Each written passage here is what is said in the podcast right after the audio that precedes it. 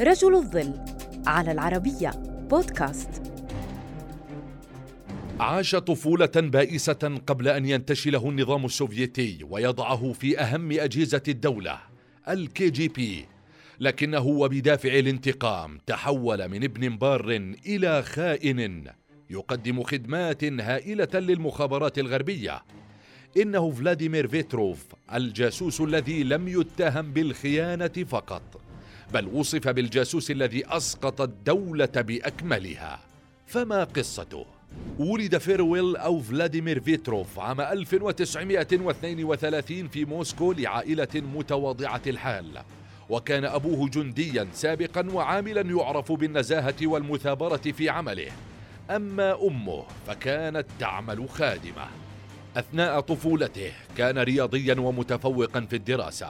وهو ما جعله يختار دراسة الهندسة الإلكترونية التي كانت بوابة له لدخول سلك الاستخبارات السوفيتية في عام 1959 ونظرا لتميزه تم تعيينه ضابطا مسؤولا عن برنامج إكس لاين المخصص للحصول على معلومات متقدمة حول العلوم والتكنولوجيا من الدول الغربية.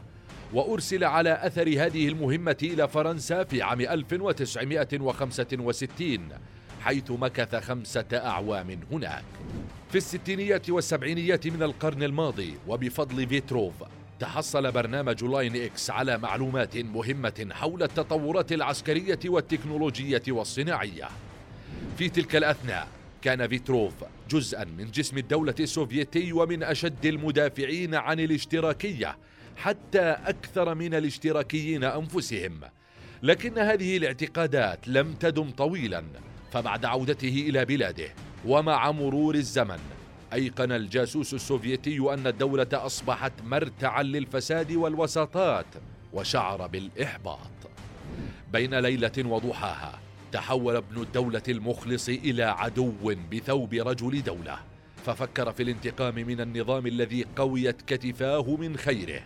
فاتصل بالمخابرات الفرنسية وفتح بابا كبيرا للتعاون مع الفرنسيين ضد بلاده.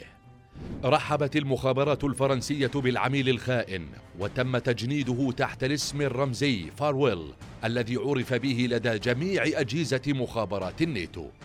بين عامي 1981 و 1982 أعطى فيتروف المخابرات الفرنسية ما يقرب من أربعة آلاف وثيقة سرية.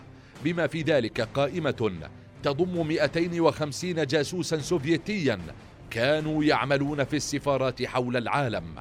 مكنت الدول الغربية من طرد ما يقرب من 150 جاسوسا سوفيتيا فطرد الفرنسيون 47 منهم معظمهم من برنامج إكس لاين ما تسبب في انهيار برنامج المعلومات السوفيتي في وقت كان فيه بالغ الأهمية للنظام السوفيتي. بدورها أنشأت الولايات المتحدة عملية ضخمة لتزويد السوفيت ببيانات خاطئة وأجزاء مدمرة لتقنيات معينة. خشية اكتشافه جمدت المخابرات الفرنسية نشاط فيتروف بشكل مؤقت لكنه وقع في مصيبة كبرى. عندما طعن شريكته أثناء مشادة كلامية في سيارته. وبالمصادفة طرق رجل نافذة السيارة فاعتقد فيتروف أنه اكتشف جريمته فقام بطعن الرجل وقتله. ليتصادف أن يكون ضابطا آخر من المخابرات السوفيتية.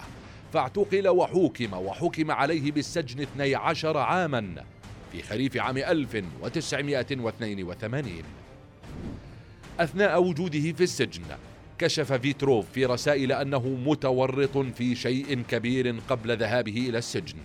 فعرفت المخابرات السوفيتية في النهاية أنه عميل مزدوج. وكجزء من اعترافه كتب فيتروف رسالة إدانة لاذعة للنظام السوفيتي تحت عنوان اعتراف الخائن. في الثالث والعشرين من يناير لعام 1985 أعدم فيتروف برصاصة في رأسه داخل السجن وهو في الخمسين.